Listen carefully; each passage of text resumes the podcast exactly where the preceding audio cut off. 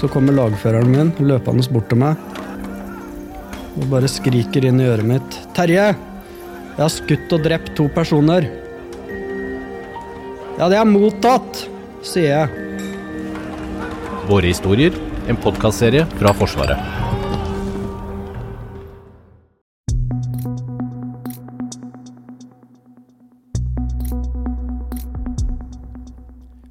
Er forsvarssjefene fra alle de landa som er med i Nato, de er på vei til Oslo.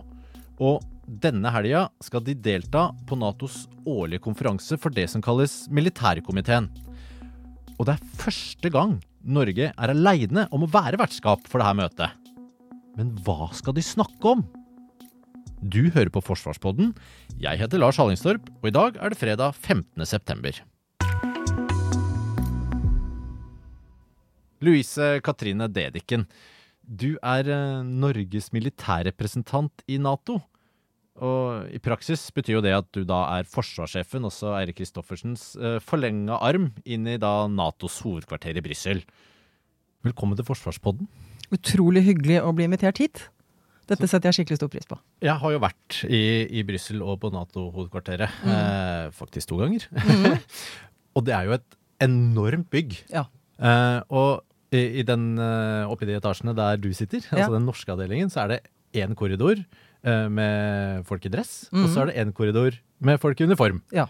Hva, Og- hvordan henger de Og sammen? det er, det er faktisk ganske unikt hvordan vi jobber sammen i den eh, norske fløyen. Fordi vi er utsendt fra forskjellige departementer. Så det er jo en eh, politisk seksjon eh, med utsendte fra Utenriksdepartementet. Og så er det en seksjon med folk fra Forsvarsdepartementet. Og de er samlokaliserte og samkjørte. Og det rasjonalet vårt det er det at det er ett norsk syn. Så vi bruker veldig liten energi på å være uenige, og vi sier også til hverandre at vi jobber prestisjeløst sammen. Og det får vi veldig mye igjen for, fordi eh, det er faktisk ikke noe farlig å samarbeide. Du risikerer bare å få en mer enn det du gir. Og Stoltenberg har da understøttelse av eh, et private office, så han har sin egen stab. Og, så er det jo eh, litt artig dette her med hvem er det som er sjefen. Fordi vi liker jo å se på Jens Stoltenberg som Nato-sjefen, hvilket han er. Men det er også sånn i alliansen at det faktisk er nasjonene som bestemmer. Men han leder for alle praktiske formål alle møtene.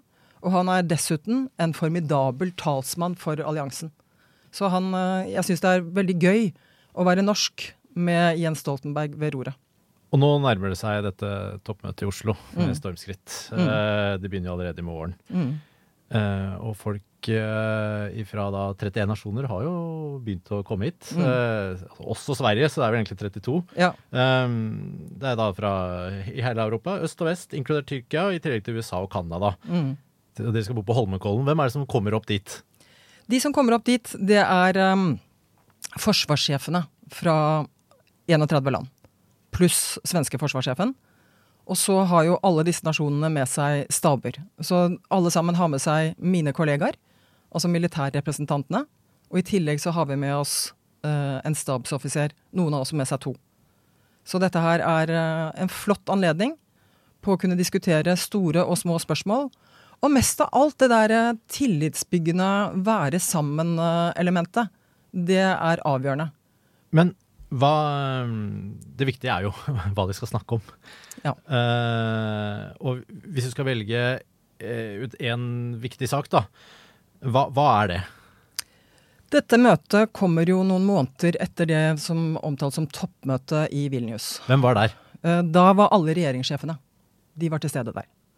Det var et veldig bra møte. Men hvis jeg får lov til å bruke litt tid, så skal jeg bare liksom fortelle historien. Fordi eh, Nato fikk jo en slags oppvåkning i 2014 med annekteringen av Krim. Og det som skjedde da, særlig på militær side, så var det jo starten på en form for modernisering. Så det som skjedde, og eh, tidligere forsvarssjef eh, Brun-Hansen, han var veldig sentral i det arbeidet, som gikk ut på å lage en ny militær strategi for Nato. Det arbeidet det ble ferdigstilt i 2019, og det ble veldig bra. Um, og så har vi jo eh, erfart uttrekk fra Afghanistan i 2021. Det har vi kanskje nesten glemt, i hvert fall hvis man tenker på hva som vi leser om i pressen. Men det var jo et fokus for Nato i over 20 år. Så det var exit Afghanistan i 2021, og kort tid etter det så var vi jo vitne til oppbygging i og rundt Ukraina. Med det fatale angrepet på Ukraina i februar 2022. Så den moderniseringsprosessen som eh, startet på militær side, men også som har sin parallell på veldig god måte på den politiske siden, den kulminerte på veldig mange måter i Vilnius. Og det man blir enige om da, var først og fremst hvordan vi planlegger. Med hva og når og hvorfor.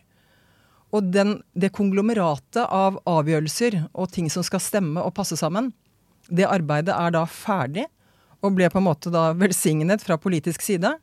Så dette, den timingen for møtet i, eh, på Holmenkollen nå, det kommer veldig bra. For nå gjelder det jo da hvordan skal vi fylle opp de tingene som nå har blitt politisk bestemt, og hvilke konsekvenser får det. Så dette er kjernen i hva vi skal snakke om på Holmenkollen.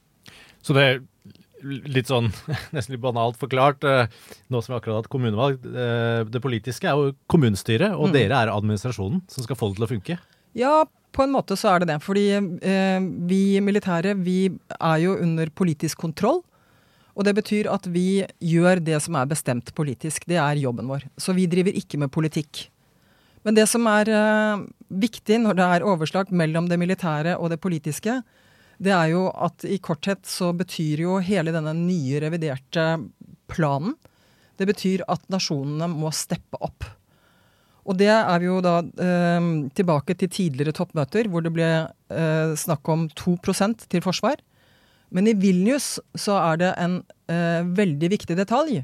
Og det er at det er minimum 2% av den enkelte alliertes BNP som skal gå til forsvar. Og der eh, Uh, det, her har de jo en, den norske regjeringen en stor jobb å gjøre. Og nå har de jo kommet til en prinsipiell erklæring om at vi skal opp til 22, uh, 2 Jeg holdt på å si 22. Uh, 2% i 2026. Men det er altså store konsekvenser for den planleggingen og hva vi må bidra med fra norsk side. Norge skal opp på 2 uh, har regjeringen bestemt uh, innen eller i løpet av 2026. Uh, er det andre land som sliter med det samme? Altså, som, som, alle skal jo love det her, eller skal jo det nå, men det virker som Norge har, er litt på etterskudd. Vi var veldig fornøyde da det ble besluttet fra regjeringshold at vi skal gjennomføre det. Og fram til den beslutningen forelå, så var vi på en måte i en liten uheldig gruppe som ikke hadde en plan for å nå 2 -prosenten. Og så er det jo av naturlige årsaker stor forskjell på den enkelte nasjons BNP og hvilken situasjon de er i. Og på toppen av det hele så er det jo donasjoner til Ukraina, som koster veldig mye penger. Norge bidrar nå utrolig bra. Eh, jeg vil si at vi befinner oss på et veldig godt sted blant nasjoner som bidrar virkelig substansielt. Ikke bare med militært materiell, men også eh, med penger.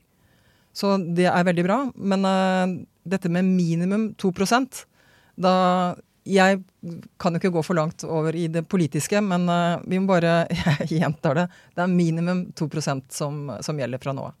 Er, er donasjonen til Ukraina og pengestøtte er det en del av de to prosentene? Uh, ja, det, det, er det, fordi det tas jo ut av det vi uh, har. Altså, Vi har jo tatt ut en del fra lageret som skal etterfylles osv., så, videre, så det er en direkte link mellom de to tingene. Mm.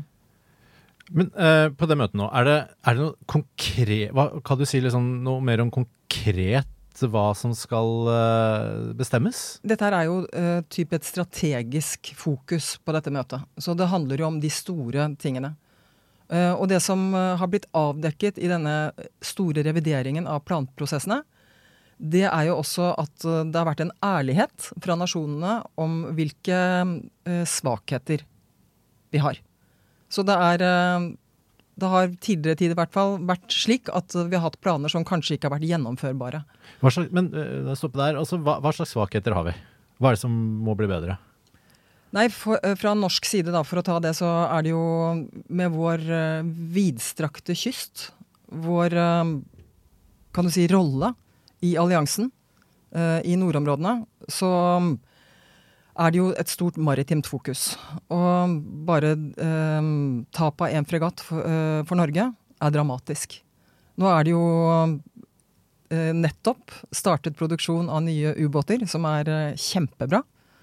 Og det med å vise flagg når det gjelder eh, maritim tilstedeværelse, som avskrekking, er helt vesentlig. Så min uniform forplikter jo også. Så jeg er veldig opptatt av at vi må ha tilstrekkelig med plattformer, sånn at vi kan vise flagg og være til stede der hvor det gjelder uh, for alliansen. Så dette er noe de skal snakke om på møtet i helga? De skal vel ikke akkurat snakke om uh, verken norske fregatter eller ubåter, men uh, det med å snakke om iverksetting av planer, altså uh, hvor iverksettbare de er, hvis det er et uh, norsk ord, kanskje ikke. Uh, men i alle fall, hvordan ligger vi an? Ja. Det er et spørsmål som vil være sentralt. Og så vil det være tilstedeværelse fra de strategiske kommandoene. Altså fra Norfolk og fra Shape de vil også være til stede på møtet. Ja, for dette er Nato-kommandosteder, ja. hvis vi skal mm. si det veldig enkelt. Ja. Ja, ja. Sverige vil vel kanskje etter all sannsynlighet bli medlem av Nato om ikke altfor lenge. Og de kommer jo til å være her i helga, ikke sant? Mm. Ja. Hva er det de skal gjøre der, og er det noe de, de ikke får vært med på?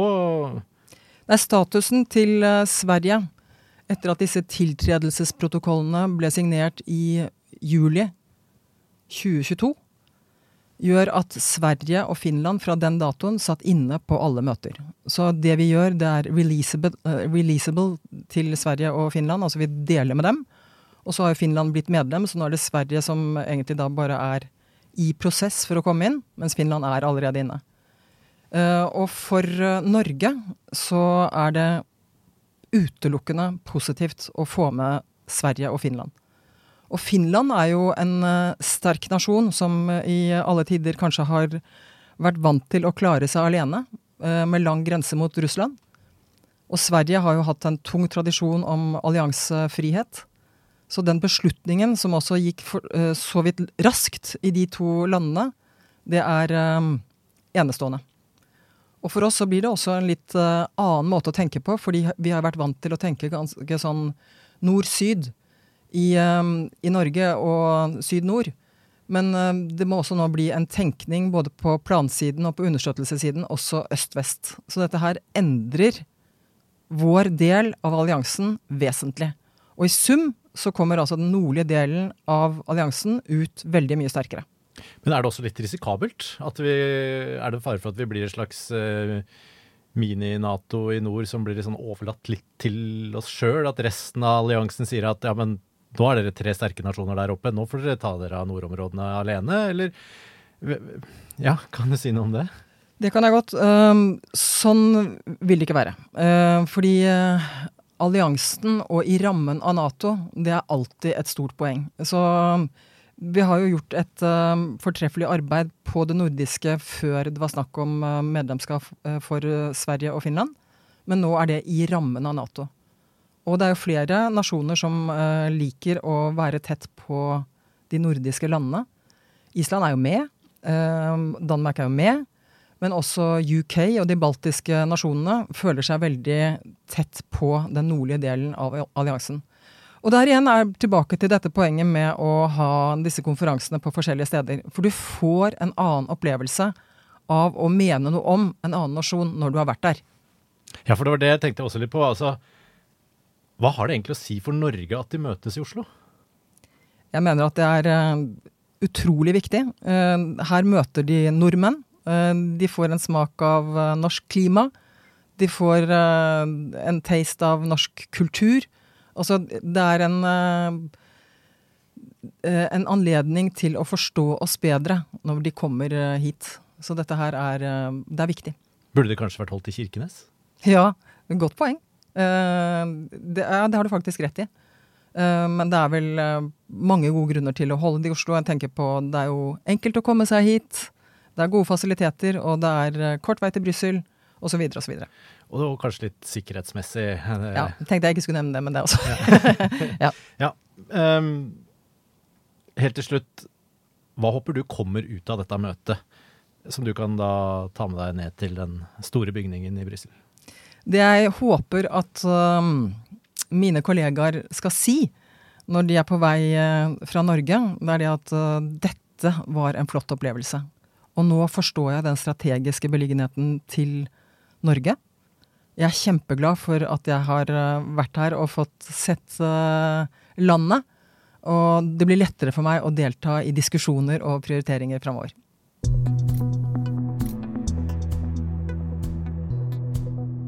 Vil du holde deg oppdatert på hva som skjer på helgens konferanse for Natos militærkomité? Gå inn på forsvaret.no. Forsvarspodden lages av Jørgen Lyngvær, Hege Svanes, Lars Jørgen Bergsund, Ragnhild Fjellro og meg, Lars Hallingstorp.